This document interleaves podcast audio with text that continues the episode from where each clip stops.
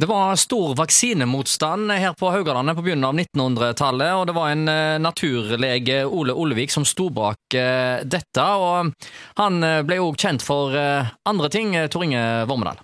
Det var han som flytta opp til han holdt på i Haugesund en del år, så etablerte han jo en sånn en, klinikk oppe i Stord som fikk navnet Furuly, og det er jo der som Stord sykehus i dag har sin Det etablerte ut ifra. Når Stort sykehus ble etablert, så overtok de helseklinikken da, som Ole Olvik hadde eh, tatt og etablert. Ja. Hva var det som var hovedargumentasjonen hans den gangen for at folk ikke skulle vaksinere seg? Nei, Det var det, det, var det det var, Han holdt fang med dette naturlige. Det var naturlig at det kom epidemier og sånne ting. Så det, og dette skulle dø ut av seg sjøl. Men folk døde jo av det? Ja, hvis de døde i altså det, hvis du fikk, fikk eh, kobber, så var det høy dødelighet eh, blant det. Så det var egentlig eh, uforståelig, men etter min mening like uforståelig som de som da ikke innså at det var behov for vaksinasjon i forbindelse med korona. Så du kan trekke klare paralleller der, da. Ja, fordi det er jo faktisk en del virus som dukker opp fra tid til annen, som ja. vi har veldig lite motstand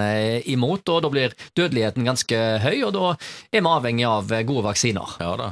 Absolutt, og det er kjempeviktig. Og det jo, ikke minst er det viktig å lytte til hva eksperter og folk fra øverste organ i helsemyndighetene sier. Så det, de, de, vet litt bedre det enn disse ekspertene på Facebook.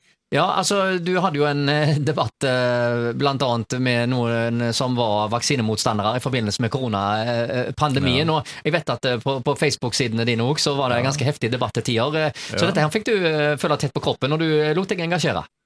Ja, lot meg engasjere. Jeg skrev jo et leserinnlegg blant annet hvor folk syntes det var flott at uh, de sto fram og fortalte at de ikke ville la seg vaksinere. og eh, lot, grunnen til vi vaksinerte oss, var jo ikke for oss å beskytte de som var sterke, og, da, det var jo for oss å beskytte de som uh, i utgangspunktet er svake. Da. Så det var det en del som ikke forsto. Det var ganske artig å se da, i det kommentarfeltet hvor kom disse kommentarene fra. Det var da det var to fraksjoner. Det var i, eh, blant annet en fraksjon i dette som du kan kalle konservativt eh, kristent miljø.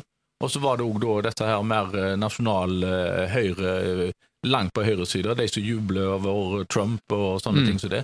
Det var helt klare grupper altså, som da var antivaksinemotstandere. Takk for besøket der, Tor Inge Vormedal.